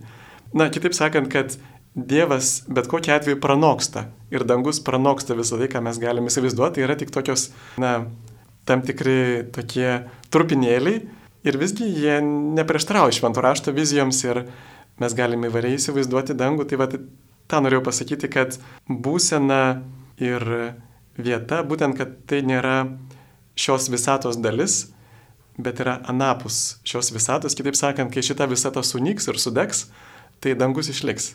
Klausimas SMS žinute, ar gali ekstraordinarinė švenčiausiojo dalintoje vienuolė mišių metu kartu ir laiminti žmonės, kurie nepriima švenčiausiojo? Taip, na, aišku, mes visą laiką galime prašyti, kad Dievas laimintų žmonės ir, va kaip ir minėjau, kuo skiriasi palaiminimas nuo pašventinimo, tai būtent palaiminimu mes kviečiame, mes ir maistą laiminame, taip. E, laiminame, kad Dievas e, ir, ir dėkojame Dievui už maistą, kurį jis mums duoda ir nereikia kunigo maistui palaiminti ir galim prašyti palaimos ir savo ir prašyti, kad Dievas laimintų kitus. Tai be abejo, kad kunigo palaiminimas galbūt yra kitoks ir kunigas ypatingai turi gali laiminti ir šventinti, bet, bet aš manau, kad nereikėtų daryti iš to problemos, kad jeigu ir sesuo vienuolė paprašo, kad Dievas laimintų tą žmogų, nes, na, jinai prašo, kad Dievas jį laimintų, ne jinai pati. Taip. Dar turime kitą klausimą. Taip, kaip atverti širdį Dievui, klausė vienas klausytojas. Na, atverti širdį Dievui iš tikrųjų yra e, labai, labai geras toksai klausimas. Mes visų pirma turime suvokti, kas vyksta ir, ir vartai į Dievą visą laiką yra tikėjimas. Tai reiškia, kaip šventoji Teresė Vilietė patarė, kad kiekvienos maldos pradžioje turėtų būti mūsų prisiminimas Dievo akivaizdos, kad e, Dievas mus mato, kad Jisai mus myli, kad Jisai mus girdi. Ir be to mūsų maldos turbūt yra tokios, na, mes galim kaip burtažius kalbėti, kad mes čia kažką gaminame, bet visų pirma turime tikėti, kad Dievas tikrai yra ir pasitikėti, kad Jis linki mums gero, nori mums padėti, yra visagalis, visažinantis, yra begalinė meilė ir atverti širdį. Aišku, svarbiau, svarbiausia čia yra būtent protas ir valia, kada mes protų suvokiame, kas tu Dieve ir kas aš, ir valingai stengiamės mylėti Dievą.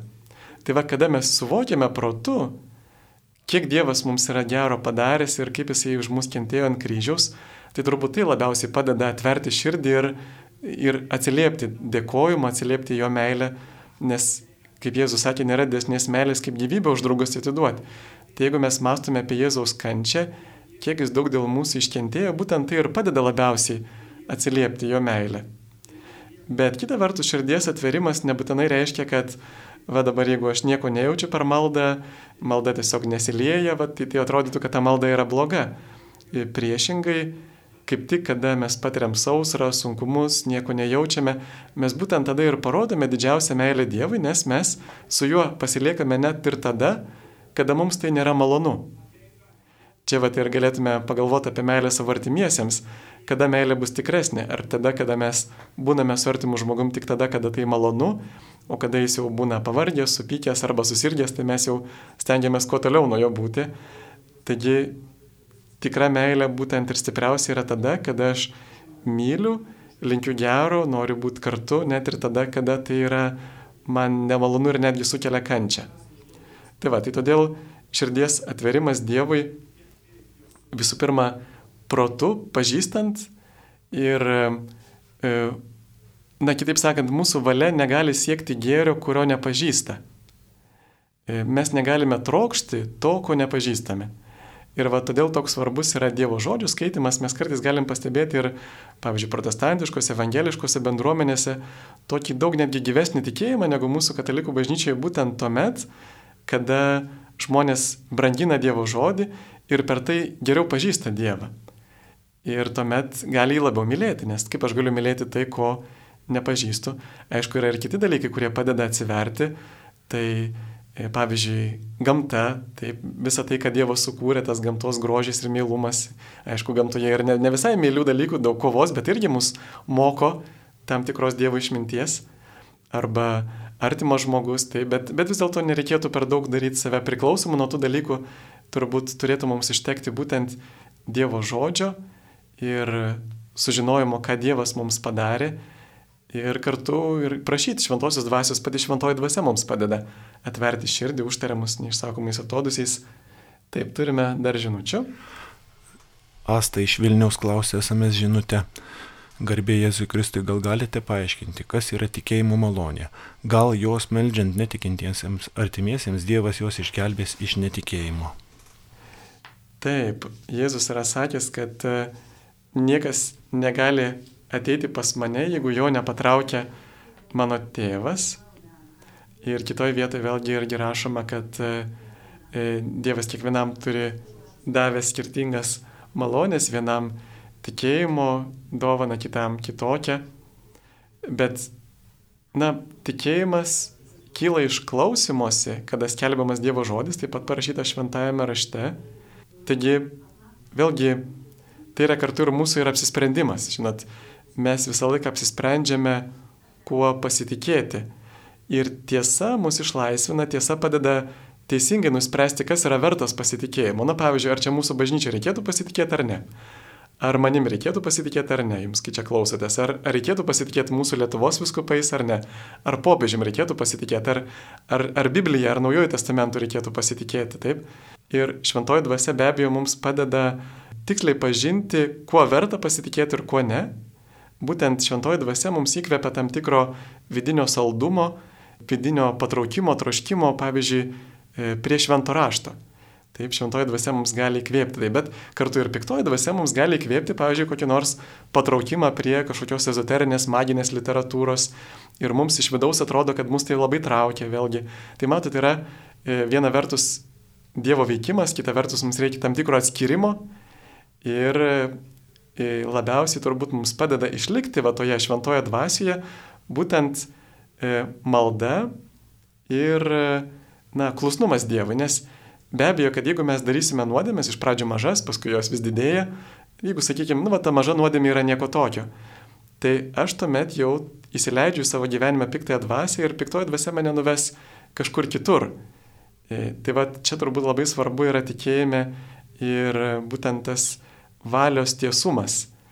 E, ar aš apsprendžiu už gėrį ar ne, ar aš siekiu, trokštų gėrio, ta vidinė nuolatinė kova Bet be abejo, kad mes turime ir privalome melstį kitiems tikėjimo dovanos, nu, pradžiškai mes melžiamės atsivertimo. Taip, kad ir kas yra atsivertimas, tai yra patyrus Dievo meilę mūsų vertybių pakeitimas. E, galėtume sakyti vertybių skalės apvertimas. Nes mums neatsivertus, pirmoje vietoje bus e, turtas, valdžia, malonumai, garbė, bet atsivertus mums pirmoje vietoje bus Dievo ir artimo meilė. Ir, ir e, turtas, valdžia, malonumai gali tapti kartais ir kliūtimi tai Dievo ir artimo meilė. Tai vad mes tikrai turime prašyti atsivertimų ir Jėzus būtent sakė šventai Faustinai, taip pat, jeigu kalbant apie šventųjų, tokius apsireiškimus, gyvenimus, kad, e, sako, tai yra malda, kurios aš visą laiką išklausau, prašymas atsivertimo malonės ir, ir būtent to ir Dievo motina mus labiausiai prašo melstį kitiems atsivertimo. Taip, dar turime žinutę. Taip, Su buvusiu vyru susitokėme jauni, pragyvenom labai sunkiai apie tris metus, daug nesutarimų, civilinė santuoka jau išskirta, bet ne bažnyčioje. Sutikau nuostabų vyrą, sukūrėm šeimą, turim sunelį. Labai norėčiau susituokti su juo bažnyčioje, ar tai įmanoma. Na taip, tai yra tas toksai sunkus klausimas, kuris yra ir mūsų, ir mūsų popiežiui visą laiką vis neduoda ramybės, na, vad kaip yra e, su tom santokom, kada nepavyksta iš pirmo karto. Ir be abejo, galime visą laiką bandyti ateiti bažnyčios tribunolą ir pasakyti savo situaciją, viską ir ar, ar tikrai yra, galbūt iš tikrųjų mums pritrūko kažkuriam iš mūsų kažkokių tai sąlygų, kad ta santoka galiotų. Ir tikrai dabar popiežius yra labai palengvinęs tas procedūras, kaip tą santoką e, pripažinti negaliojančią, jeigu, yra, jeigu tikrai buvo tokia.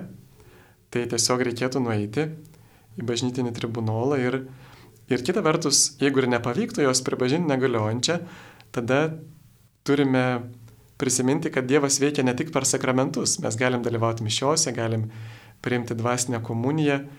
Ir, na taip, klausimas, kaip Dievas į tai žiūri. Taip, ar, ar tikrai Dievas tai mato, kad mes esame dabar sunkioje nuodėmėje, ar galbūt iš tikrųjų mato, kad, na, iš tikrųjų buvo va, toks sunkumas ir buvo galbūt neįmanoma gyventi su tuo žmogumi ir bet kokia atveju, jeigu yra ir ir sunelis jau, ir, ir vėlgi tos naujos šeimos neišdraskysi.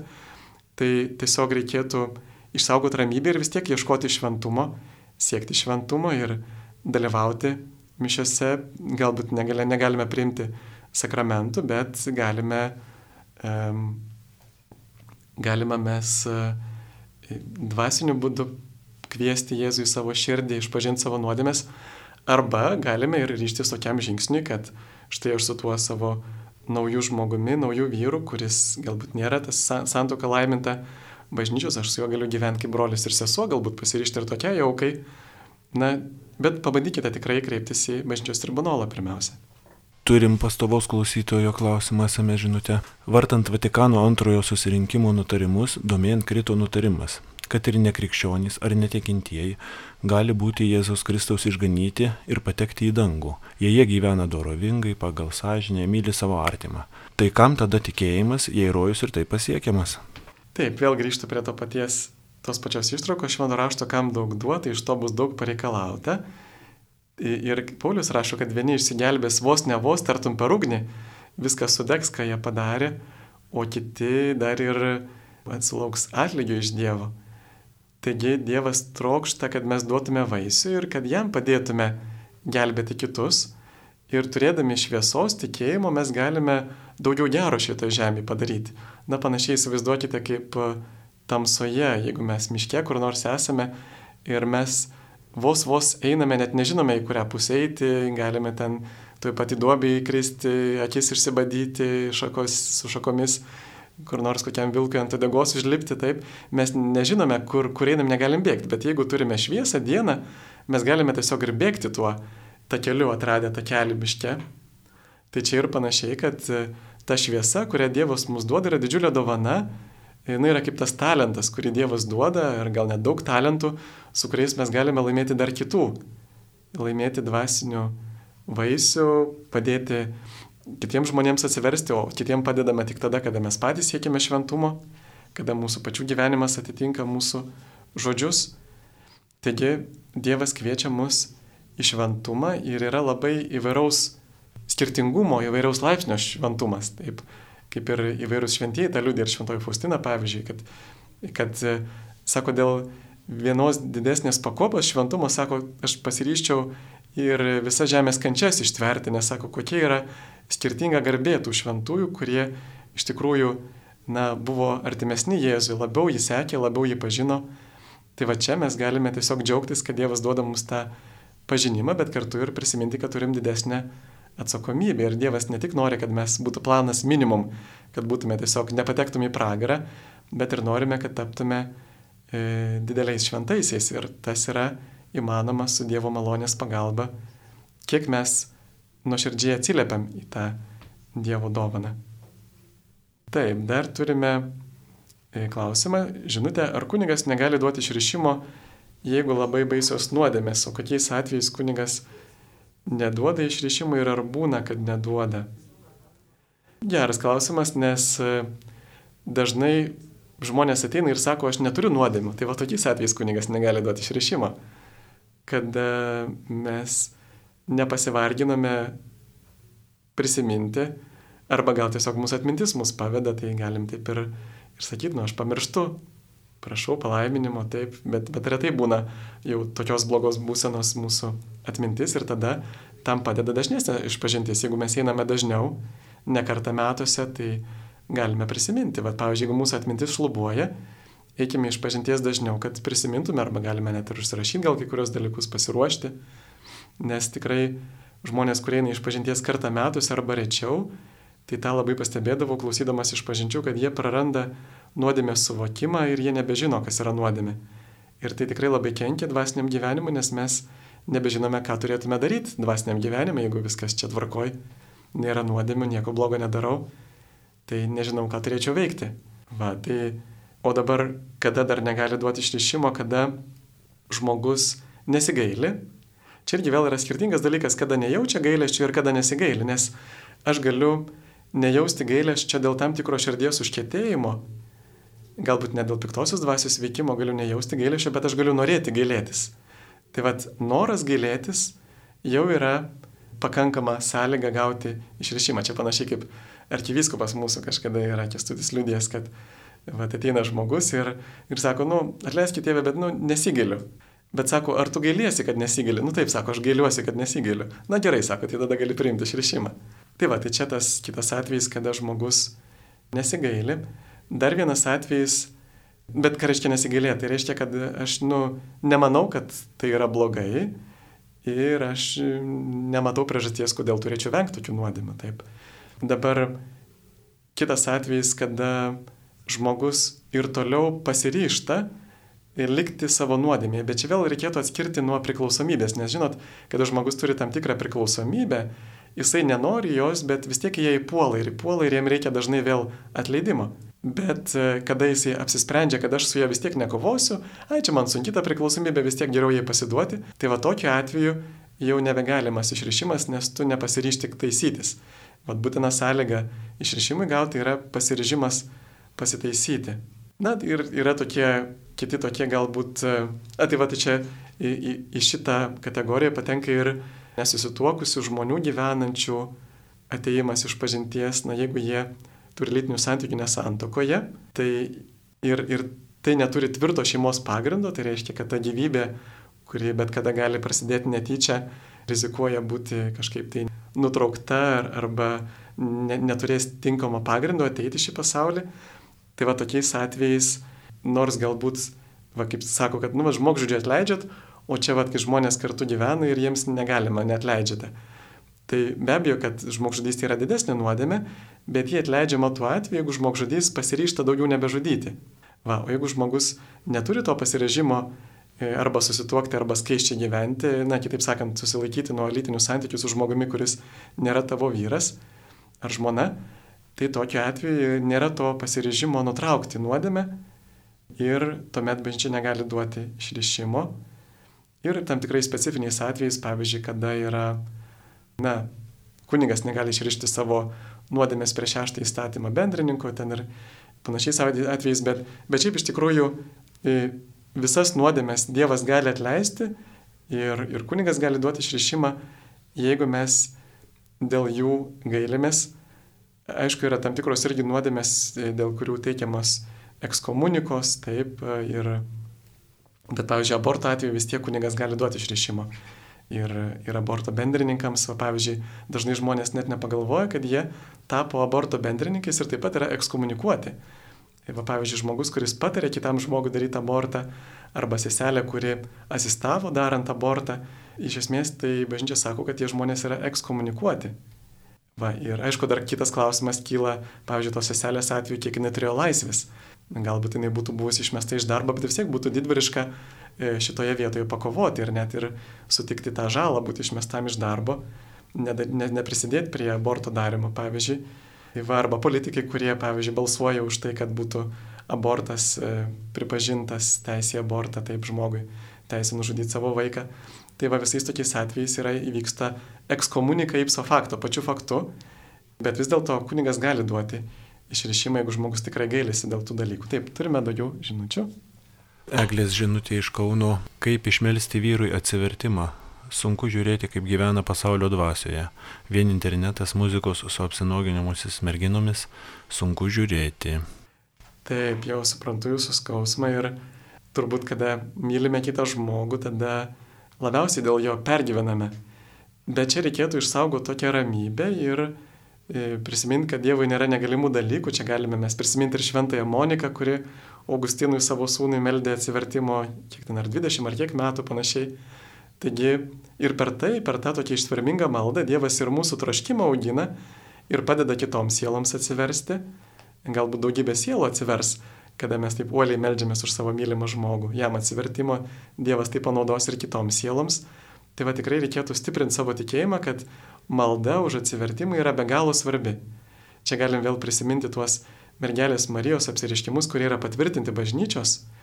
Per visą žmonijos istoriją gal labiau, na čia mūsų pastaraisiais amžiais tų apsiriškimų būta daug ir Fatimų ir kitur, ir Lurdė ir Marija visur labai prašo melstis už nusidėlio atsivertimą, va kaip Fatima jis sakė, kad daug žmonių patenka į pragarą, nes niekas už juos nesimeldžia ir nesiaukoja. Ir čia tada reikėtų vėl atkreipdėmėsi, kad neužtenka vien tik tai maldos. Ir dar reikia ir kitų dalykų. Pavyzdžiui, kad mes patys gyventume pagal Dievo žodį, kad mūsų gyvenimas liudytų Dievo ir artimo meilę. Tai ir būna sunkiausia. Mes dažnai einam, daug melžiamės, bet apriekiam savo artimuosius, apleidžiam, e, būnam nerūpestingi ir e, visai juos iškoliojam, tai, tai be abejo, kad tada ta malda mūsų veikia dar priešingai. Nu, kuria prasme mūsų malda? Gal maldos rodimas veikia priešingai, nes žmogus mato, kad mes esam pamaldus, bet e, esam blogesni už netikinčius.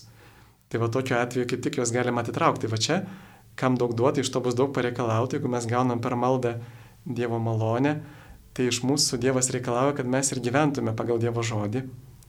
Tai va, tai čia turbūt svarbiausias dalykas, kad gyventume pagal Dievo žodį. Va, neužtenka vien tik kalbėti Dievui, reikia ir klausytis, ką Dievas man kalba per Dievo žodį ir, ir stengtis tai įgyvendinti, neužtenka vieną kartą perskaityti šventą raštą. Dar kitas dalykas tai yra mūsų, nu taip, ir, ir būtent meilę parodyti mes galime kiekvieną dieną daugeliu būdų ir čia mums reikia tam tikro, na, pamastymo, nes E, tai neturi būti spontaniška, neprivalo būti spontaniškas meilės parodimas, nes paprastai mes ir neparodom meilės spontaniškai, jeigu neturim kažkokių degančių jausmų arba susirūpinę kitais dalykais. Bet jeigu pamastume, pavyzdžiui, penkias minutės, galiu pamastyti, va, kaip aš šiandien galėčiau parodyti meilę savo artimui.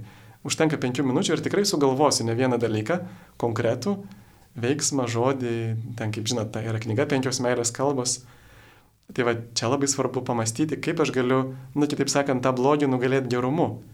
Galbūt jisai nepatiria meilės iš jūsų ir ieško meilės kažkur kitur. Ir kaip aš galiu parodyti meilę savo žmon, žmogui artimam. Ir dar vienas dalykas yra pasiaukojimas. Turėtume ieškoti irgi progų aukai, pavyzdžiui, pasninko įvairios aukos arba kažkokie savęs apsimarinimai, tai kažkokių kančių lygų aukojimai tai tikrai labai sustiprina mūsų maldą, kada mes prie tokios patogios maldos dar pridedam ir savo kažkokią, kad ir nedidelę, su meilė atnašautą kančią. Mums paskambino Vilija iš Kauno ir prašė perduoti klausimą. Tiek šventų mišių metu, o ypač priimant šventą komuniją, ar galima turėti, ar reikėtų turėti vieną pačią svarbiausią intenciją, ar galima turėti kelias ir ar galima turėti daug intencijų? Toks klausimas būtų. Ačiū. Dievui patinka, kai mes daug prašome ir reikia nepamiršti, kad mes į mišes ateiname ir paukoti kažką. Čia vėlgi nekalbu apie pinigus, bet būtent per aukos atnašavimo liturgiją tuo metu, kada kunigas atnašavo duoną vyną, mes galim pagalvoti, ką aš Dievui norėčiau paukoti. Ar savo padėką, ar savo kažkokius tai pastangas nugalėti kažkokią įdą, pastangas e, gerus darbus daryti. Na, mes turim Dievui irgi kažką paukoti ir Dievui taip pat patinka, kai mes turim plačią širdį ir kai prašome daug iš Jo ir tai yra gerai. Bet e, e, šventosiuose mišiuose turbūt tikrai galime sudėti daug visko, ne tik tai, kaip ir Jėzus šventai Faustinai irgi yra sakęs, kad dienoraštyje, kad tu per daug nepergyvenk, jeigu nesuspėjai visų paminėti, sako vis tiek aš žinau, kurie tau žmonės yra brangus ir aš stengiuosi irgi juos palaiminti. Na, maždaug taip aš perfrazuoju. Taigi, priešingai, pavyzdžiui, ir, ir tokioj asmeniniai maldoj, kartais Dievas kviečia į tokią kontempliaciją, kad aš tikrai galėčiau viską užmiršti ir būčiau, būti tik tai su Dievu. Bet taip pat Šventas Pranciškus, tai atsiprašau, popiežius Pranciškus vienoje savo enciklikoje rašo, atrodo apie šventumą, rašo, kad Dievui patinka, kai mes pripildomą maldą vardų ir veidų. Tai va čia irgi yra labai gera praktika, kada mes turime daug įvairių intencijų ir va galime vieną maldą už kokį nors vieną žmogų skirti, kitą maldą už kitą.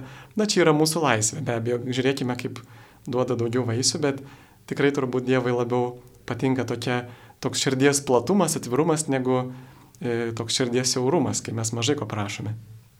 Klausimas SMS žinute. Kaip krikščioniui vertinti tai, kas dabar vyksta gazoje? Koks jūsų manimų būtų Kristaus požiūris? Na, aišku, kad dėl konflikto dažniausiai būna kaltos abipusės. Taip ir, ir, ir be abejo tenka girdėti ir tiek, tiek Izraelis, aišku, yra paldinėjimas, žinot, na, musulmonai, kai kurie ne musulmonai, bet fundamentalistai islamo turi tokį keistą supratimą, kad galima žudyti žmonės savo priešus dėl gero tikslo Tai čia apie tokius yra gerai pasakyta, kad gerais noras pragaras grįstas, kad jeigu mes norėdami gero darome blogį, tai mes vis tiek darome nuodėmę. Tai galbūt jie ir nori tokio teisėto tikslo, kažkaip pat daugiau tokios autonomijos laisvės, e, bet e, na, tai nieko yra nepateisinamas tas terorizmas ir kaip Šventas kryžius Jonas sakė, kad ten, kur nėra meilės, siekite meilę ir pjausite meilę. Ir galėtume priešingai sakyti, kur mes siejame neapykantą, tai aišku, pjausime neapykantą, ką, ką pasėjai, tą ir pjausi. Tai be abejo, kad yra, reikėtų turbūt melstį atsivertimo abiems pusėms ir, ir Izraeliui, kad e, nu, kartais tikrai turbūt engia tuos e, kraštus palestiniečius, tikrai, na, tenka girdėti įvairių liudymų, kad ir, ir vandenį užsuka, ir elektrą užsuka, ir, E, bet, bet kartu ir, ir melstį atsivertimą ir tiems teroristams, kad tai aišku, matome, kad pasaulyje yra labai daug karų ir, ir tai yra vaisius atitolimo nuo Dievo. Nes e, kuo žemėje daugiau nuodėmės, kuo, kuo mažiau maldos, tuo daugiau karų ir, ir čia turbūt yra pavojus būtent tų šio laikinių įvairių patogumų, kuriuos mes turime, ypatingai netgi šio laikinių medijų, kurios mums padeda ir E, labai ugdyti save, pažinti Dievą, labiau įmylėti, pažinti šventųjų gyvenimus ir taip toliau, bet kartu ir padeda tuščiai išvaistyti laiką. Ir čia yra didžiulis pavojus, jeigu mes daugybę laiko praleidžiame pramogoms, prie televizoriaus ir dar kažkur, o nesimeldžiam, tai praktiškai mes leidžiam sieloms pražūti. Va kaip Fatimai e, angelas e, apsireiškia tiems vaikams jau kilintą kartą ir, ir jisai sako, sako, kaip jūs dabar žaidžiate, o nesimeldžiat netgi vaikams, taip, kodėl jūs žaidžiate, o nesimeldžiat. Tai iš tikrųjų, aišku, mes galim skirti laiko ir žaidimui, ir pramogoms, ir šeimai, bet nepamirškime, kad nuo mūsų maldos priklauso tai, kiek, na, geris laimės. Va prisiminkim tą Mozės maldą ant kalno, kai jisai laikė ištiesęs rankas ir jo tauta laimėdavo, kai tik jis nuleisdavo rankas, pavargdavo melsis, tai imdavo iš karto tauta pralaimėti. Tai matome, jeigu gėris pralaimi pasaulyje, reiškia, kad yra per mažai žmonių, kurie meldžiasi ir aukojasi už kitus. Čia nepasirašysio klausytojo padėka. Ačiū kunigui Sigitui Jurkštui už tai, kad kalba apie tai, kaip yra, o ne apie tai, kaip reikia. Ačiū už jo inteligenciją, kultūrą. Būtent tokie dvasininkai kelia pasitikėjimą bažnyčios institucija. Ačiū. Dabar skaitau kitą SMS žinutę klausimas. Kodėl yra parašyta, kad judaizmas, krikščionybė ir islamas yra abraominės religijos? Ką galite papasakoti apie Abraomą? Ir antras klausimas, jeigu darome pauzę sakydami garbė Dievui, tėvui ir sūnui ir šventai dvasiai, ar tai gali būti kilę iš judaizmo, nes jie garbina tik Dievą tėvą, o ne Jėzų Kristų. Ačiū Danielius. Taip, dėl garbė Dievui tėvui, tai mums, kada mes melžiamės liturginės valandas ir ten kiekviena eilutė yra perskirta tokia žvaigždute, kad būtų padaryta pauzė ir atsikvėpti ir pamastyti. Ir taip išpuola, kad būtent garbė Dievui tėvui, na, kad suskaldoma ta švenčiausios tarybės pagarbinimas, bet tai yra tikrai nieko bendro neturi su švenčiausios tarybės dogmos paneigimu. Mes tikime, kad visi trys asmenys yra lygus savo kilnumu gale, bet tėvas yra tas šaltinis, iš kurio viskas kyla. Ir mes garbiname visą švenčiausią trejybę ir, ir, ir sunus, ir šventoji dvasia taip pat yra tėvui lygus, šventumu kilnumu lygus Dievas. Dabar, kalbant apie Abraomą, taip, Dievas jį pašaukė iš, iš jo, jo tautos, sako, eik į kitą šalį.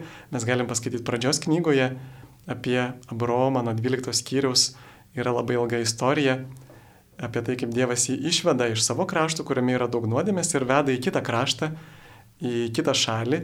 Ir čia yra tokia kaip ir piligrimystė, kad Dievas panašiai ir mūsų gyvenime, kada mes keliaujame į piligrimystę, mes tarsi paliekam savo rūpeščius, savo prisirišimus ir labiau tampam tokie, labiau priklausomi nuo Dievo. Nebesiriam savo įprastais patogumais, bet tampam priklausomi nuo Dievo, kuris mus veda. Ir Dievas jį išvedė, kad iš jo suburtų tautą, žinom, jo, jo vaikai, jo, Dievas jam pažadėjo sūnų, Izaoką, kurį, kurio jis sulaukė tik tai senatvė ir tai buvo didžiulis stebuklas, kad jau jisai ir jo žmona buvo seneliai ir jau tokiame amžiai moteris tikrai nebegimdo, bet jinai susilaukė savo sunaus ir paskui Dievas paprašė paukoti tą sūnų Izaoką jam, vėlgi čia daug klausimų keliantis švento rašto skaitinys, bet galiausiai Dievas sakė, kad ne, vis dėlto gerai, kad tu sutikai net savo brangiausią turtą, sūnų paukoti ir vis dėlto jo ne, neaukok, nes štai avinas yra, kurį gali paukoti, bet dėl tavo klusnumo man aš, tai bus įskaityta tau teisumu. Tai vad ir iš Abromo, nepamirškime, Abromas dar turėjo vergės sūnų, iš Hagaros vergės Izmaelį, nes Dievas jam pažadėjo vaikų kaip dangaus žvaigždžių, bet jis kaip laukia, taip nesulaukė ir, ir jo žmona jau ir jisai panikuoja, jau laikas praeina, vaikų nėra daug metų ir tada jo žmona Sara tai gal sako, tu vad sugulk su, su, su tarnaitė, su vergė, galbūt pat iš jos čia tas išsipildys tas pažadas. Ir tada jinai turėjo daug problemų su ta tarnaitė ir su tuo Izmaeliu, netgi jis paskui išvarė tą Izmaelį ir paskui vis tiek rašome, kad Dievas jo pasigailėjo, išgelbėjo ir kad iš jo bus didelė tauta ir kad visi bus prieš jį ir jisai bus prieš visus.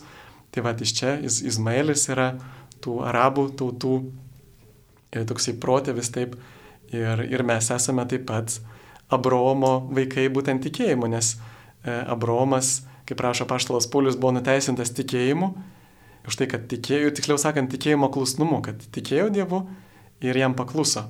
Ir tokiu būdu mes irgi dalyvaujame tame Abraomui pažado išsipildyme, kad per, per Abraomo palikonis turės bus palaimintos viso žemės tautos, būtent per Jėzų Kristų, kuris yra Abraomo palikonis, kuris yra Dievas tapęs žmogumi, per jį yra palaiminamos visos žemės tautos. Ir štai tokiu būdu mes visi esame susiję su Abraomu, kad tai yra tas pats Dievas, kuris mus veda, bet pamatome, kiek gali būti daug ir nesantikos tarp visų tų, na, tos pačios šaknies religijų žmonių, bet, bet ta nesantaika kyla ne iš pačios religijos, bet iš žmonių neteisingo suvokimo. Ir kaip ir Senajame testamente jau buvo, visą tai jau buvo, žydai visą tai žino, kad reikia mylėti Dievą, reikia mylėti artimą, bet Jėzus pasako, kad tai yra svarbiausia. Tai jeigu mes tikrai stengiamės mylėti savo, netgi savo priešus, tai tuomet kaip tik esame tie, kurie keliauja į taiką, ne į karą ir kartais reikia už, už tiesą pakovoti, kartais reikia pasakyti tai, kas galbūt kitam žmogui nepatinka, bet vėlgi išsaugant tą meilę, nepasiduodant ginčiams, neapykantai. Taigi šiandien laidą jau baigėme, ačiū Jums už kantrybę, kad klausėtės, už tai, kad klausėte ir viešpat su jumis. Te laimina jūs visagalis Dievas, tėvas ir sunus ir šventoji dvasia. Ir sudė, taip pat primenam, kad jau artėja ir aušos varto atlaidai ir susitiksime kitų kartų sudė. Dėkojame ir kunigui Sigitui Jurkštui už dvi valandas atsakant į jūsų gerbiami radio klausytojai klausimus. Jūsų klausimus taip pat į eterį viešino darbuotojas Liutauras ir savanoris Šarūnas. Ir mielai kviečiame toliau likti su Marijos radiju.